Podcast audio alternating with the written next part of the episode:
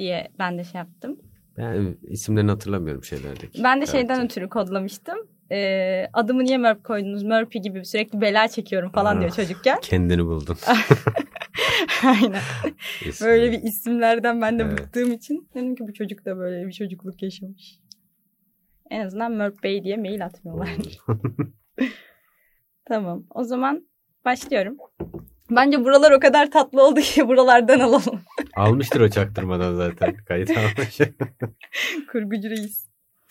Başlıyorum. Genç Yağ'ın bir film daha programın ikinci bölümüne hepiniz hoş geldiniz. Birinci bölümde Nereye Gidiyorsun Ayda filmini konuşmuştuk. Yeni olduğu için aramızda epey bilmeyenler vardı ve dinledikten sonra bu film izlenir diyenleriniz oldu. Dedirtmek istediğim tam da buydu. Her şeye rağmen birinci bölümün günah olmaz dedik ve şimdi de bir film daha diyoruz. Abi bir film daha programına hoş geldiniz. Hoş gördük. Ben size şöyle gül çayınızı ikram ederken sizi kısaca bir tanıyalım. Evet. Abdülhamit abimiz kimdir? Ee, evet zor bir soru. Bir bu soruda bir de neden sinema sorusunda zorlanıyorum. Ee, Çünkü insanın herhalde ee, daha kolay cevap verebileceğini düşündüğü ya da nasıl diyelim daha iddialı olduğunu düşündüğü hususlarda bir şeyler anlatması söylemesi zor oluyor. En azından benim için öyle yani. O yüzden kendimi tanıtırken zorlanıyorum. Daha teknik bilgi vereyim yani Erzurumluyum. Bursa'da büyüdüm. Ee, Erzurum'da okudum. İletişim Fakültesi, Radyo, Televizyon, Sinema. Ee, 2003'te okul bittikten sonra İstanbul'a geldim. O günden beri İstanbul'dayım. Ee, işte aşağı yukarı 23 yıldır medya sektöründeyim. Genel olarak öyle diyelim. Gazete, televizyon, internet sitesi, radyo, dergi yani aklınıza ne geliyorsa e, her alanda e, çalıştım. Haberci olarak tabii. Editör, muhabir, e, yayın yönetmeni, haber müdürü gibi. E, sinemayı yanı sıra devam ettiriyordum. Bu işimin yanı sıra. E, yine 15 yıldır herhalde aralıksız yazıyorum. Yani aralıksız yazdığım 15 yıl. Yoksa 20-25 yıldır yazıyorum. E, devam ettiriyordum. 2015'te 2015 miydi herhalde? 2015 16'da olabilir. 16'da. Köprüden önce son çıkışı görünce e, medyayı bıraktım. Bir e, büyük haber kanalında e, gece haber müdürüydüm. Bıraktım. Sadece sinemayla ilgilenmeye başladım. Yani sinema ve bağlantılı işler. Şu an öyle devam ediyorum. Yeni Şafak Gazetesi'nin sinema editörüyüm. E, işte Medipol Üniversitesi'nde ders veriyorum. Efendime söyleyeyim. Yaptığım şeyleri de unutuyorum da. E, işte belgesel, kısa film, e, reklam, tanıtım o tarz şeyler çekiyorum. E, tabii senaryo yazıyorum. Uzun metraj hazırlığım var. E, efendime söyleyeyim. Eğitim platformumuz var. OSE dediğimiz online sinema eğitim platformu var. Onu şimdi online'dan çıkarıp hem online hem yüz yüze hale getireceğiz. Getiriyoruz. Başladık yani. Yeni bir yer açtık. E, Balat'ta Cibali'de. E, o eğitimler devam ediyor. Başka ne yapıyorum? Bir bazı düzenli yazdığım yerler var. Aylık, üç aylık falan. Arada yazdığım yerler var. Gerçekten unutuyorum bazen ne yaptığımı. Şimdilik hatırladığım bunlar. E, yeri gelirse yine anlatırım bir şeyler ama genel itibariyle kendimi sinemacı olarak nitelendiriyorum. Yani ömrüm boyunca da film çekmek ve sinema eğitimlerine devam etmek istiyorum. Amin. İnşallah amin. İnşallah. Yerinizde hayırlı uğurlu olsun Allah inşallah. razı olsun. Sağ olasın. Davet ettiğiniz için kısa zamanda geleceğiz diye ümit ediyorum. Bekliyoruz. 30 Temmuz açılışımız. İnşallah hep birlikte orada oluruz. Abi biz yıldızlar arasını konuşmak istedik sizinle. Sizin böyle Christopher Nolan'ı bir sevdiğinizi duyduk. Evet. Boş Neresinden değil. seversiniz kendini? Kendisine karşı boş değilim. Ee, tabii platonik bir durum. Bundan haber olduğunu sanmıyorum ama Olur inşallah. ee, olursa kendi kazanır. Yani benlik bir şey yok. Biz nihayetinde ee, ikna edilmişlerle değil inanmışlarla bu yola devam ettiğimiz için seviyorum Christopher Nolan'ın e, ki Hollywood ee, antipatisi olan birisiyim ben. Ee, yani yazılara da bakarsanız bakarlarsa dinleyiciler e, Hollywood'a karşı neler söylediğimi görürler. E, Hollywood'la aram iyi değil. Küçük bir alalım mı? Neresinden sevmiyorsunuz Hollywood'u? Şöyle onu küçük almak biraz zor.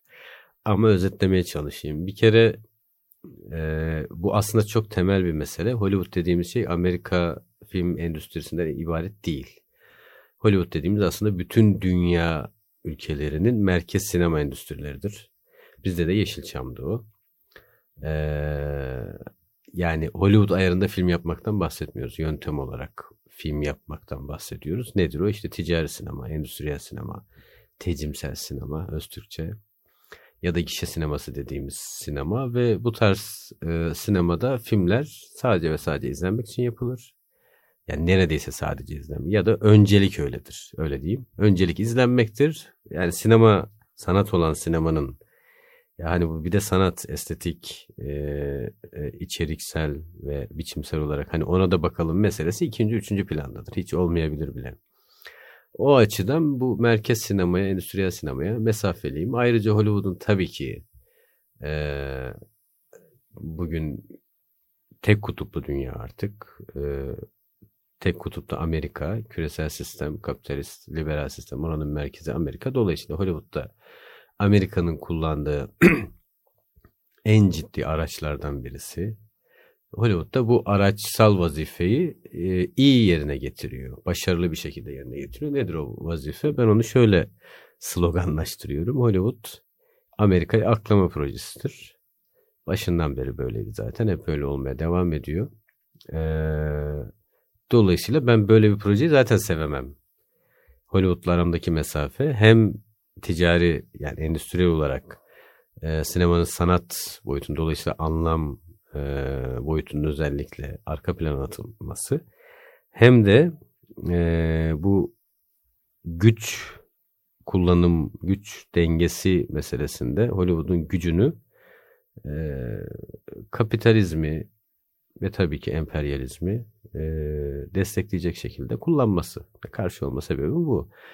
E, bu tabii ki e, Hollywood filmleri izlemeyelim, Hollywood çok kötü öyle böyle değil yani. Tabii ki izliyoruz. Benim tavsiye listelerimde de mutlaka Hollywood filmleri var.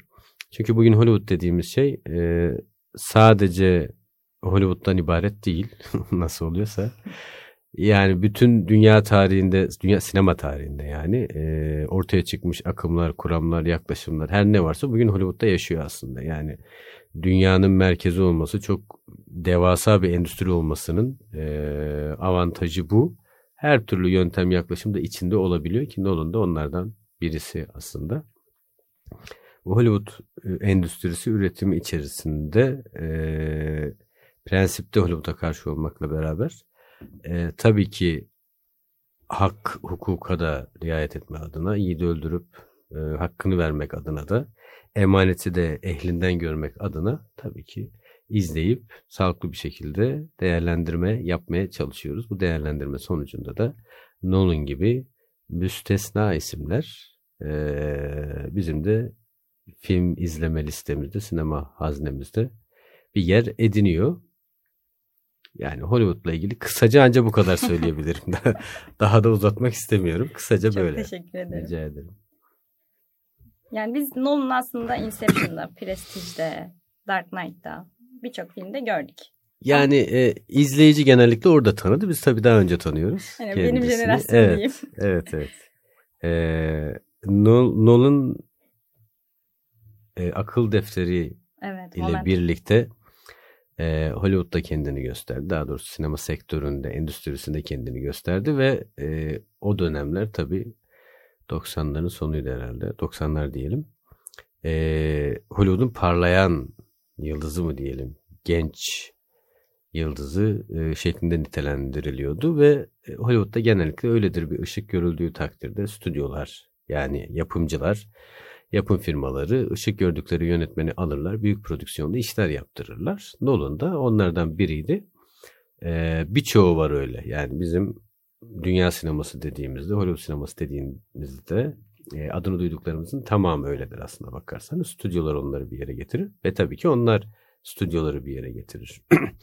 Stüdyo dediğimizde büyük yapım firmalarıdır. O da Hollywood'da 8-10 firmadır yani. Mutlaka hikayelerinde izleyiciyi şaşırtan, düşünmeye teşvik eden e, ve bir film bittiğinde Aa, öyle miydi? Hmm, şöyle miydi acaba? Ya bu şimdi ne anlattı? Mutlaka dedirten bir adam. Bu normalde izleyici için olumsuz bir şey. Bir film bittim. E bu şimdi ne anlattı? Deniyor. Bu eleştirmek için söyleniyor. Halbuki ben de diyorum ki hayır işte bak film başarmış. Sana demiş ki film bak ben bir şey düşünüyorum. Fikrediyorum bir şey. Ee, gel beraber düşünelim. Yani ticari sinemada öyle değildi. Ticari sinemada film içerisinde sorular vardır. Aa o öyle midir, bu böyle midir? Katil kim? Film bitti, katili buldunuz. Bitti. Başka bir şey düşünmezsiniz. Filmden çıktığınızda o rahatladım. Yani güldün, ağladın, adrenalin neyse, korktun. Ee, işte duy, te, duygusal tepkim olarak ne yaşanıyorsa, ne veriyorsa o film. Onları yaşadın, çıktın. Gişe izleyicisi bundan ötesini beklemez zaten Üreticiler de bunlar ötesine girmezler. Nolan bunu yapmıyor işte. E, ticari film yaptığı halde mutlaka gelin beraber düşünelim e, diyor. İşte son filmde dediğim gibi bu riskten olumsuz dönüş aldı ama onun haricinde hep olumlu dönüş aldı. E, genel izleyici dediğimiz kesim içinde yani gişe izleyicisi içinde diğer taraftan sinefil dediğimiz ya da işte art house izleyicisi dediğimiz kesim içinde e, Nolan'ın ayrı bir yeri vardır. Her iki izleyiciye de hitap eden zaten çok az insan vardır. Çok az yönetmen vardır. Ve az film vardır. O yüzden Nolan apayrı bir yerde duruyor. Aslında Nolan'ın bu zamanla sürekli oynaması, kendi içinde döndürmesinin Inception'dan da hazırız. Çünkü onun da sonunda böyle bir ucu açıklık bırakmıştı. Onun da ucu açık kaldığı dönemde biz yine etkilenmiştik. Yıldızlar arasında gibi. Şimdi gidecek mi yani? Satürn'den çıkıp bulacak mı yine? Vesaire gibi evet. bir ucu açık bıraktı. Ama şeye katılıyorum. Yani bir film izlerken bir şeyi sorgulatmak ya da düşündürmek. Ya ben bu filmden sonra ki 2014 yani benim için daha ufak bir yaş dilimi. Evet. ve şeydi yani izafiyet teorini vesaire direkt araştırmaya çalıştığım bir şeydi ve küçük küçük beynimin yandığı dönemleri hatırlıyorum filmi daha çok anlayabilmek. işte kara delikler vesaire falan. Tabii. Ki sözelci de bir tipimdir yani zihnimi gerçekten Nolan sağ olsun. Çok da şey yapmıyorum. Ben de sözelciyim ya. Sözelciler de iyi insanlar ya. evet ama gerçekten zordu yani Einstein'ın o enteresan noktaları. Evet evet. Bir yerden sonra bırakıyorsun zaten ama evet. onlar çözemedilerse ben mi çözeceğim diye. Filmi anlayacak kadar. Evet. Yani 165 milyon dolar dediniz bir film çekmeden. Evet. Ve sonucu 10 üzerinden 8.6. Aslında çok büyük. Yani şöyle bu açıkçası IMDB puanlamasının ben e, aslında herhangi bir puanlama için de aynı şey geçerli ama IMDB puanlamasını IMDB diyoruz ona tabii ki. Ee, Evet IMDB bunu çok sağlıklı bulmuyorum. Çünkü o puanlamaya bakarsanız e, Mahsun Kırmızıgül filmleri çok üst sırada. E, efendime söyleyeyim e, Bollywood filmleri de üst sırada ve Hollywood filmleri üst sırada. Ya bu ne şimdi? Ne? Yani IMDB'ye bakıp da biz değerlendirme yapacaksak e, benim ilk 10 diye bir liste yapacaksam izlediğim filmler arasında tabii ki Hiçbiri girmez oraya. E neye göre film izleyecek? Ben böyle kendi kendime soruyorum şey yapıyorum ama sen sor da beni kes biraz. Yoksa bu iş başka yere gidiyor. Ben normalde arkadaşlarımla ya da tanıştığım insanlarla sohbet ederken genelde ben konuşuyormuşum filmlerden onu fark ettim. Baya şey şu an İyi bir şey, evet. yönetmenin dizinin dibinde dizimi kırıp oturdum. O yüzden hiç mondaydım. Eyvallah. Sen sor yine arada. Hemen sorayım. O zaman ben bir Nolan'a döneyim. Dönelim evet. Şimdi, bir gün herkes Nolan'a dönecek. Biz platonik değiliz diyormuşum. Evet. Ee, mesela işte çocukluğundan beri sürekli işte uzay filmleri izleyen kardeşiyle babasıyla falan zaten uzaya dair çok hayalperest bir insanmış. O yüzden e, gittikçe zamana dair hayallerini kuvvetlendirmek için işte teknolojiyi bekliyor. iyice yazayım diyor, araştırıyor vesaire. Ama bütün bunların dışında aslında etik ahlak noktada adam gerçekten fizikçilerle çalışıyor. Ve hani bu filmin mesela Yıldızlar Arasına da geçmiş olursak çok ünlü bir fizikçi olan Kip Thorne'la birlikte geliştiriyorlar. Ve e, adam fiziğe dair kesinlikle uyarılarda bulunuyor. Yani diyor ki bu filmi birlikte yaparken iki tane şartım olacak. Bunlara uyarsınız birlikte devam edelim. Ne diyor?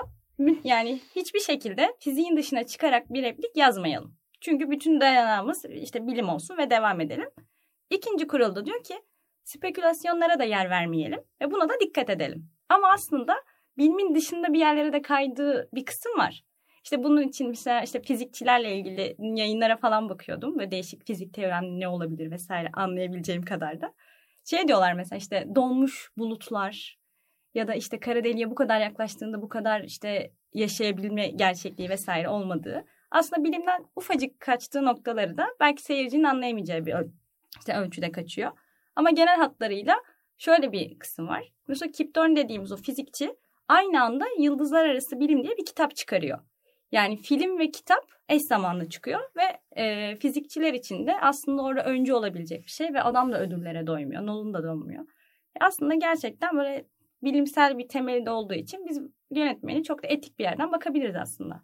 Ya şöyle zaten bilim kurgu tür bu. Kurgu yani kurgu ne demek?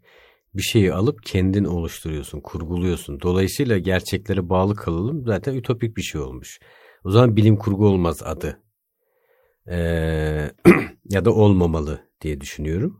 Zaten her film içinde konuşulan, e, tartışılan bir şeydir bu. E, bir film ne anlatıyor ve anlattığı şey yani film belgesel değil ki. Hikaye anlatıyorsun. Kurmaca dediğimiz şey. Bir şeyi kuruyorsun, yeniden oluşturuyorsun ve her film yani yönetmen sinemasında tabii ki Nolan'ı da yönetmen sineması yapıyor diye düşünebiliriz. Çünkü Nolan'ın filmlerin afişinde ne yazar? A Film by Christopher Nolan. Ama mesela e, isim vereyim. Ayla'nın yönetmeni kim? Birçok kişi hatırlamaz. Müslüm'ün kim? Hatırlamazsınız. Ama Ayla ve Müslüm'ün yapımcısı diye bir şey vardır. Eren'i de o yapmıştır. Naim Süleymanoğlu da o yapmıştır. İşte Türk Dondurmayı da o yapmıştır. Şimdi e, Neşet Ertaş'ı da o yapıyor. E, dolayısıyla orada bir yönetmen sineması yok. Ortada zaten yapımcı sineması var. Ama Nolan'ın filmlerinde A Film by Christopher Nolan yazar. O yönetmen e, sineması kategorisine alabileceğimizi gösteriyor. E, dolayısıyla da bir film söz konusu olduğunda yönetmen sinemasında mutlaka o filmin yönetmenden bir şeyler anlattığını düşünmeliyiz. Şunu da vurgulamak gerekiyor işte. Her filmin kendi yarattığı tırnak içerisinde bir gerçeklik vardır. Her filmin. Yani sinema salonu diye düşünelim biz. O sinema salonu zaten Sezai Karakoç öyle der. Yani sinema salonu için karanlık bir ayin odası der. Ee, öyle bir şeydir zaten o iş orası. Ee, sinema salonunda o karanlık ışıklar kapandı, perdede bir şey başladı. Siz artık yeni bir gerçeklik içerisindesiniz.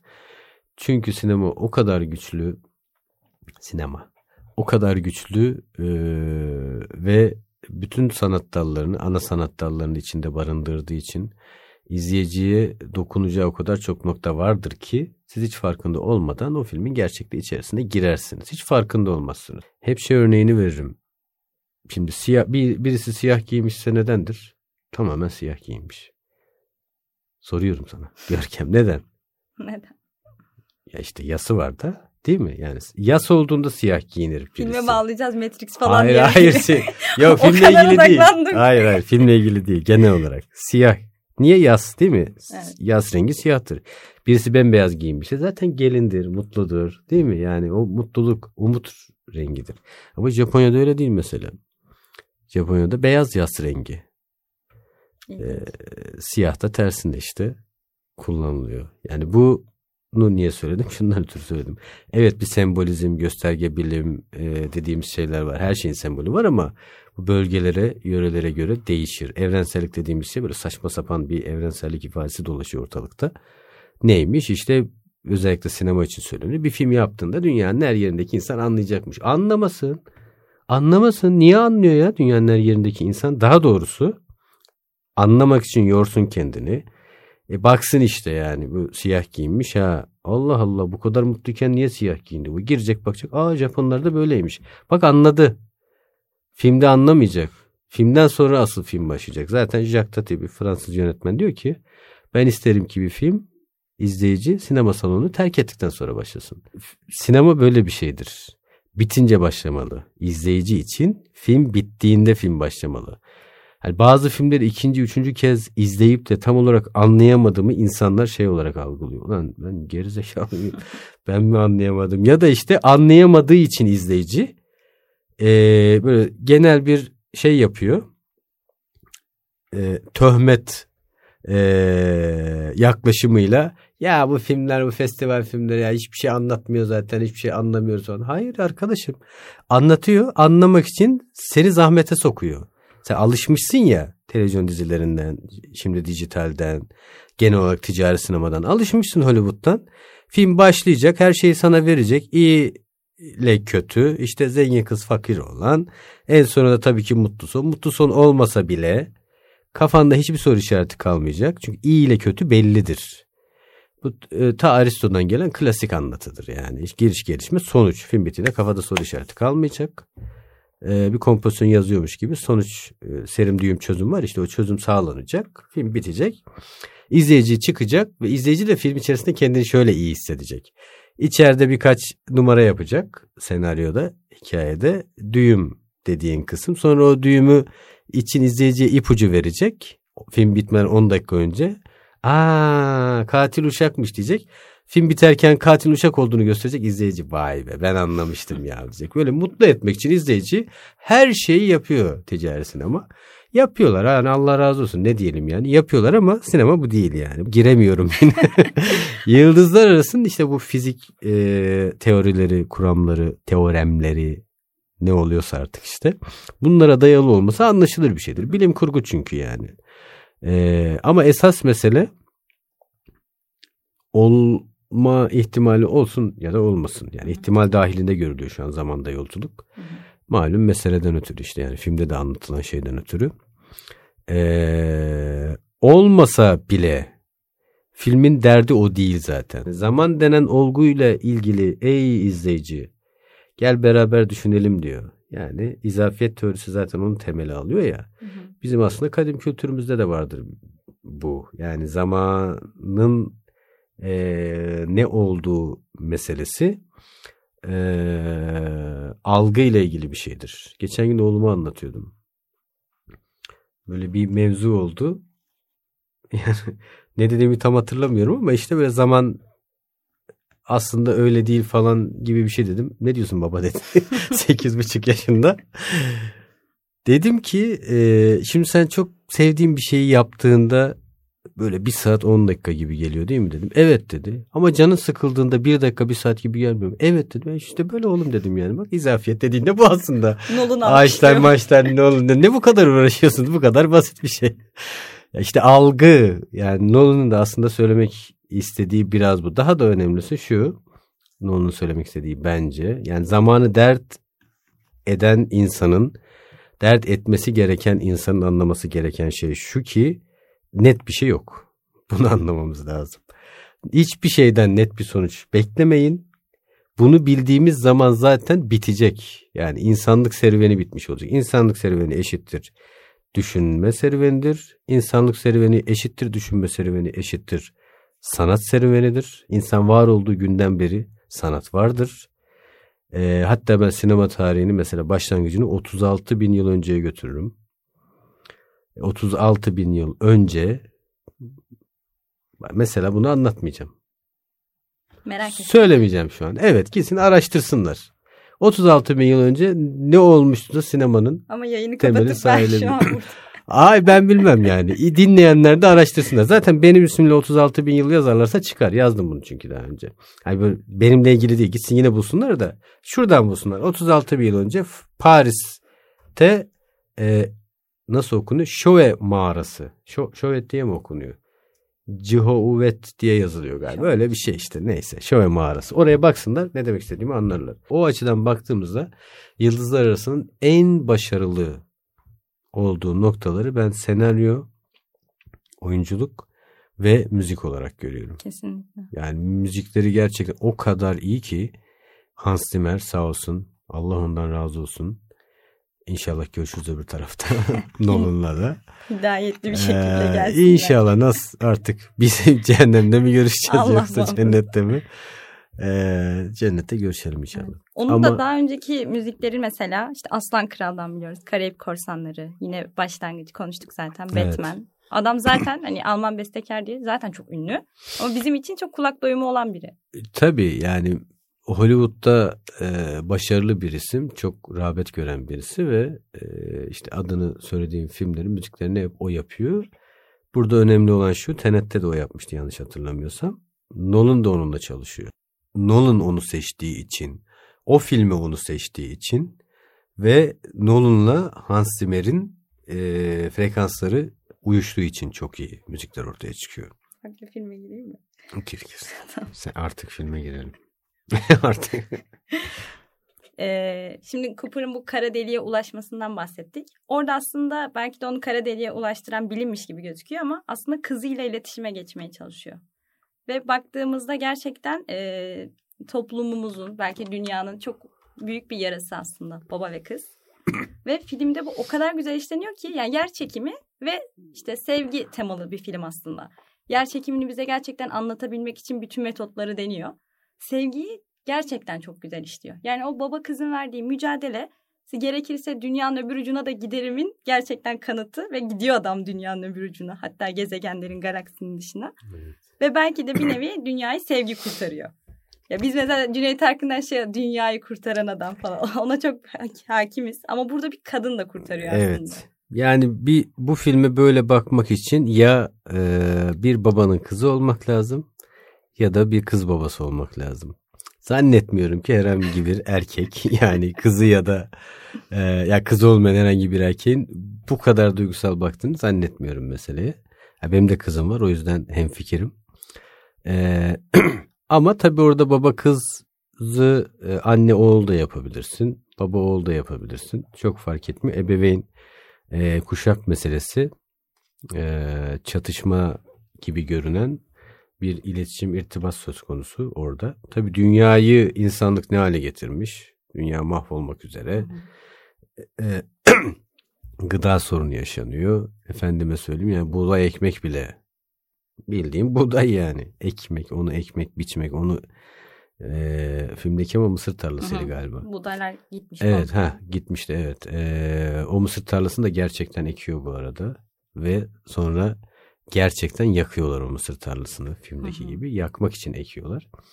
Hatta hasılat oradan da alıyor diye biliyorum ekip. Ha işte evet. Sattıktan biçip sonra. sattıktan sonra film bütçesinde falan kullanıyor. Bir şeyler bir şeyler var yani. O da bir çakal. Evet. Ee, yani oradaki e, tabii filmden çıkarılacak birçok anlam var. Onlardan birisi dediğin gibi dünyayı tabii sevgi kurtaracak ama sevgi dediğimiz şey de o kadar polyanayla e, anlatılacak bir şey değil. Sevgi dediğin şey emek işte. E, babası dünya için kendini feda ediyor. Aslında dünya demek onun için kızı demek. Kızı için kendini feda ediyor. Yani dünya için feda ediyor. Kızı e, babasının kendini feda ettiğini bilmiyor. Öğrendikten sonra e, babasına ulaşmak için hı hı. Yine o duyguyu o beraber taşıdıkları için o duyguyu o irtibatı e, o irtibatı yeniden sağlamak için elinde ne varsa zerre toz bile olsa ki filmin açıcı unsuru toz yani hı. o e, şey meselesi huzmeler ve e, saat meselesi var ya kitaplıktan düşen hı hı. tozlar falan.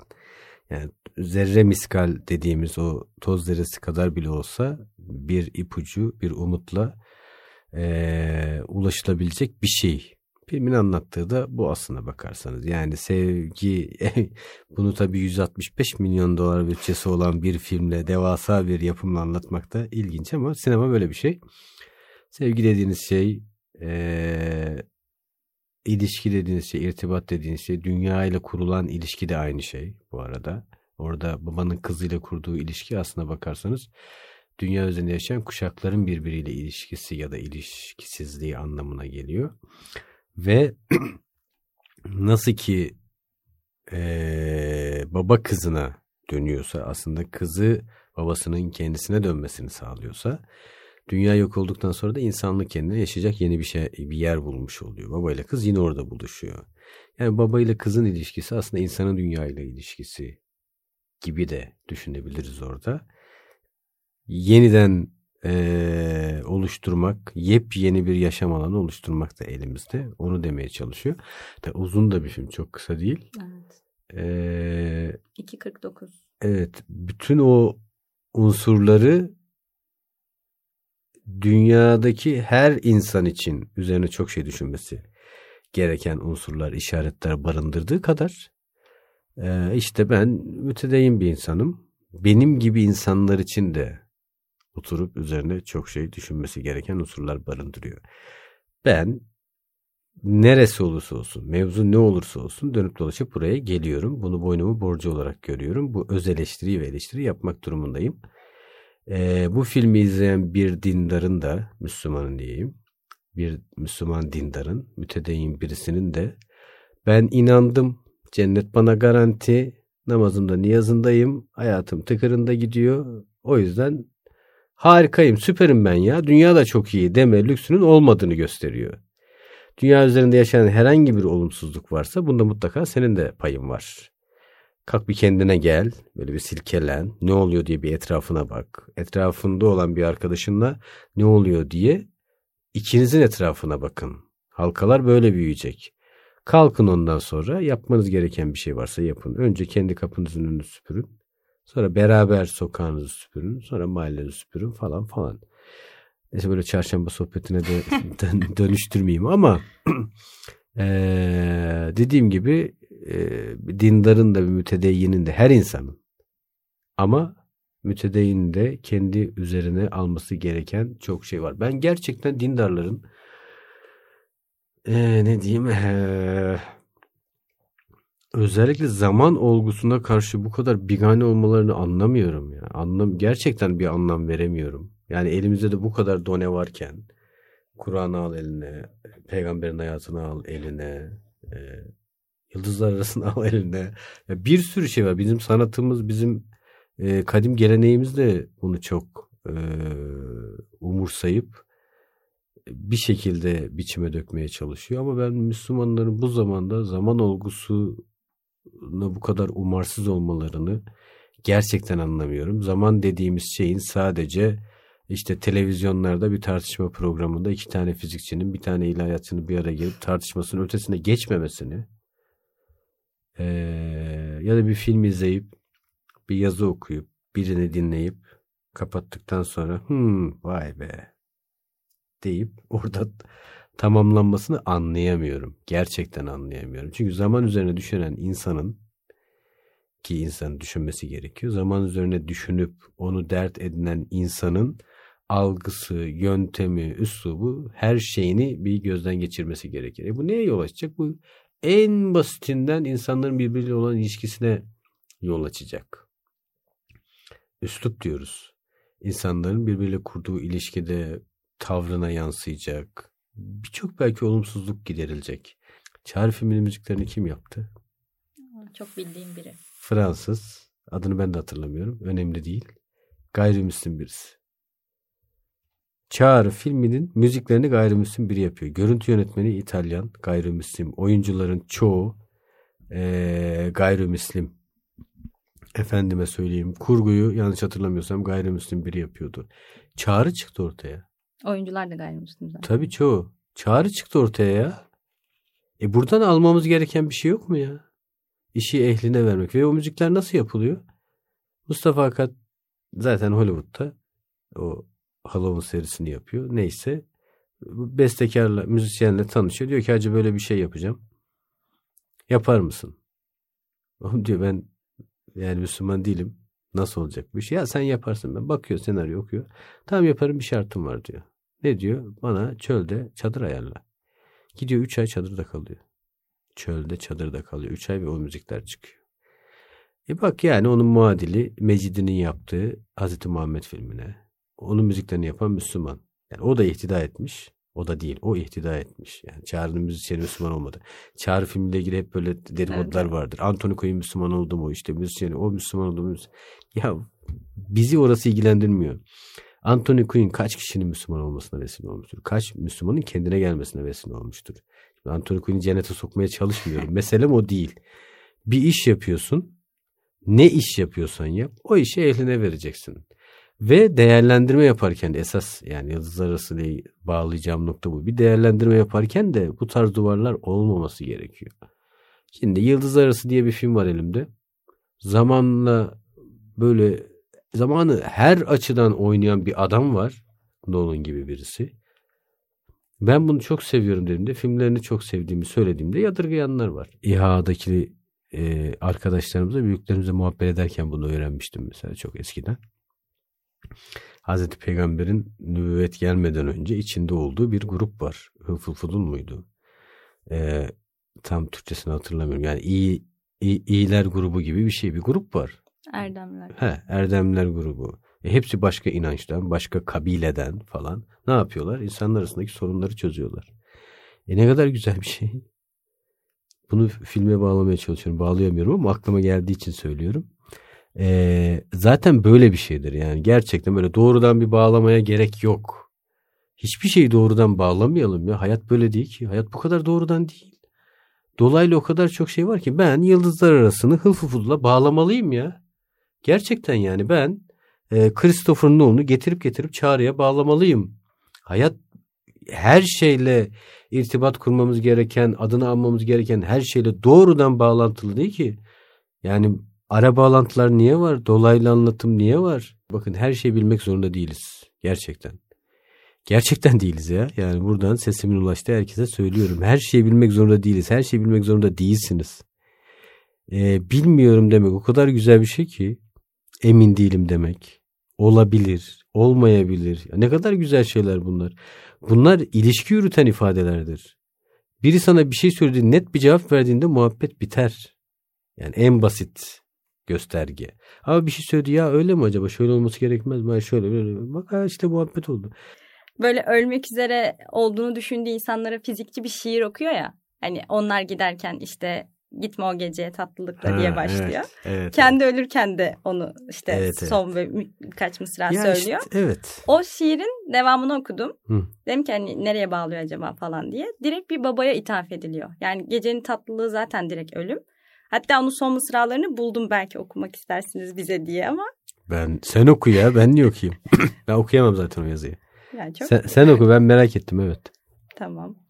E, filmde geçen ilk birkaç mısrayı okuyayım önce. Gitme o güzel geceye tatlılıkla, ihtiyarlık yanmalı ve saçmalamalı gün kapandığında, öfkelen, öfkelen ışığın ölmesinin karşısında. Ve sen benim babam, orada hüzünlü donukta, yalvarırım lanet et, hayır dua et bana şimdi acımasız gözyaşlarınla. Gitme o güzel geceye tatlılıkla, öfkelen, öfkelen ışığın ölmesinin karşısında. Yani doğrudan babasının ölüme gidişini kabullenen bir şiir aslında. Burada tabii algıda seçicilik meselesi söz konusu. Benim de e, dikkatimi çeken e, ışığın ölmesinin karşılığında ifadesi. Yani filmde de var sonrasında da var. Bence de esas önemli yer orası mesela. Işık, Yönetmen ve seyirci farkı diye. Yok yok o tamamen e, burçlara girebiliyor muyuz? Tabii buyurun. Onun da etkisi olabilir ama ben de balığım o da saçma olur.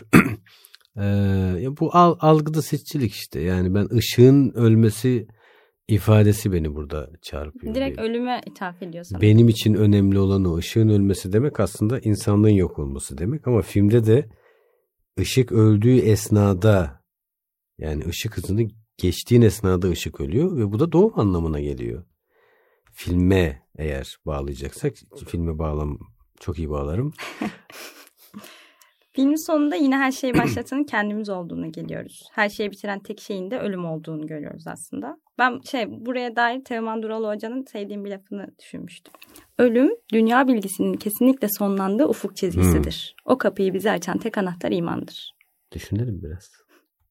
Teoman Hoca'ya Allah'tan rahmet. Allah rahmet Nolan'a hidayet. Evet evet. Önemli bir insandı sağ olsun. Ee, benim için ölüm aslında bakarsan oradan o sonuç çıkıyor mu bilmiyorum ama e, yani şöyle bir düşünüyorum ben gerçekten hani e, filmle, düşünmeyle ve üretmekle ilgimin kesildiği yerde öleceğimi düşünüyorum. Yani inşallah ölene kadar üretirim de yani yapamadığım yerde öldüğümü düşünürüm. Yani benim için ölüm odur. İnsan için de aslına bakarsanız düşünmeyi bıraktığı yer ölümdür bence. Yine özellikle e, kendim gibi gördüğüm mütedeyinlere sesleniyorum. İzleyecek film yok ama ne izleyelim filmlerde çok sıkıcı falan demek dürüstçe gelmiyor bana. Bu şunu demeye benziyor. Ya bu Sezai Karakoç da nasıl şiir yazıyor? İsmet Özen ne yazıyor arkadaş? Anlaşılmıyor ki ya. Çıksın bir delikanlı bunu desin bakayım. Yani beğenmeyebilirsiniz o ayrı. Ya İsmet Özen'in yazdığını beğenmezsin. Gider şimdi ismini vermeyeyim ama böyle işte abdest alırken Gamzen'den süzülen su damlası falan diyeni beğenen seven biri gelip İsmet Özel'i beğenmesin zaten. Ee, sinema da böyle bir şey işte. Yani sen e, Bollywood izleyerek, Hollywood izleyerek e, sinemayı değerlendireceksen olduğun yerde kal orada değerlendir. Ama izle, hepsini izle, hepsini değerlendir. Eleştirmek en büyük hakkındır. Kimse eleştirilmekten e, muaf değildir. Hiç kimse değildir bu arada. Yani kutsalımız bellidir. Kur'an, peygamber. Onun dışında hiç kimse eleştirmekten muaf değildir. Sinemacılar da buna dahildir. Bilim adamları da buna dahildir. Yıldızlar Arası da bunu anlatıyor. Böyle de filme bağlıyım evet. Abi ben çok teşekkür ederim. Ben teşekkür ederim eyvallah. Gerçekten yani hani ben konuk olmuşum da sadece seyirci koltuğunda oturuyormuşum. Evet ya böyle ama yok şimdi ee, neyse evet. Ama çok keyifli. Allah gerçekten. razı olsun eyvallah sağ olasın. Ben teşekkür ederim hayırlı olsun programda inşallah iyi olur. Bir katkımız olduysa ne hala. İnşallah bereketinize gelmişsinizdir diye ümit ediyoruz. eyvallah. Abi Genç Atölye'den de şöyle küçük bir hediyemiz var. Teşekkür ederim. Aa çok tatlı. Ne kadar güzel. Rengi de çok hoş falan deyip görmediği için dinleyici merak etsin. Aa harika ya. Ben bununla film çekerim. Yönetmenlerin iç Çok güzel. duyduk şu an. Evet. Merak Allah ettim. razı olsun. Teşekkür ettim. Genç Atölye'ye selam. Direnişe devam. Teşekkür ederiz. İkinci bölümün sonuna geldik. Hızlıyı almıyoruz, akışında iyi diyenleriz olduğunu duyar gibiyim. İnşallah bir dahaki bölümde yeniden görüşmek üzere. Filmlerden de güzel hayatlarınız olsun. Genç Yahan'ın Instagram, Twitter veya YouTube hesabına programın tanıtım postunun altına film önerilerinizi ve yorumlarınızı bekliyoruz efendim. Aklını başına topla. Dünyayı kurtaracaksın. Estağfurullah babacığım. Siz varken ne haddime? Ben bu işi bir kere yaptım, sıramı saldım. Çok rica etsem bir daha kurtarsanız. Zevzekliği bırak, şimdi sıra sende. Ama ben nasıl yapacağımı bilmiyorum ki. Ben sana yapman gereken her şeyi tek tek söyleyeceğim. Becerebilecek miyim acaba? Elbette becereceksin. Sen dünyayı kurtaran adamın oğlusun. Dünyasız insan, insansız dünya olmaz kapa gözlerini yarın bakarız. Ola bula kurtulmaz belli ki bu dünya.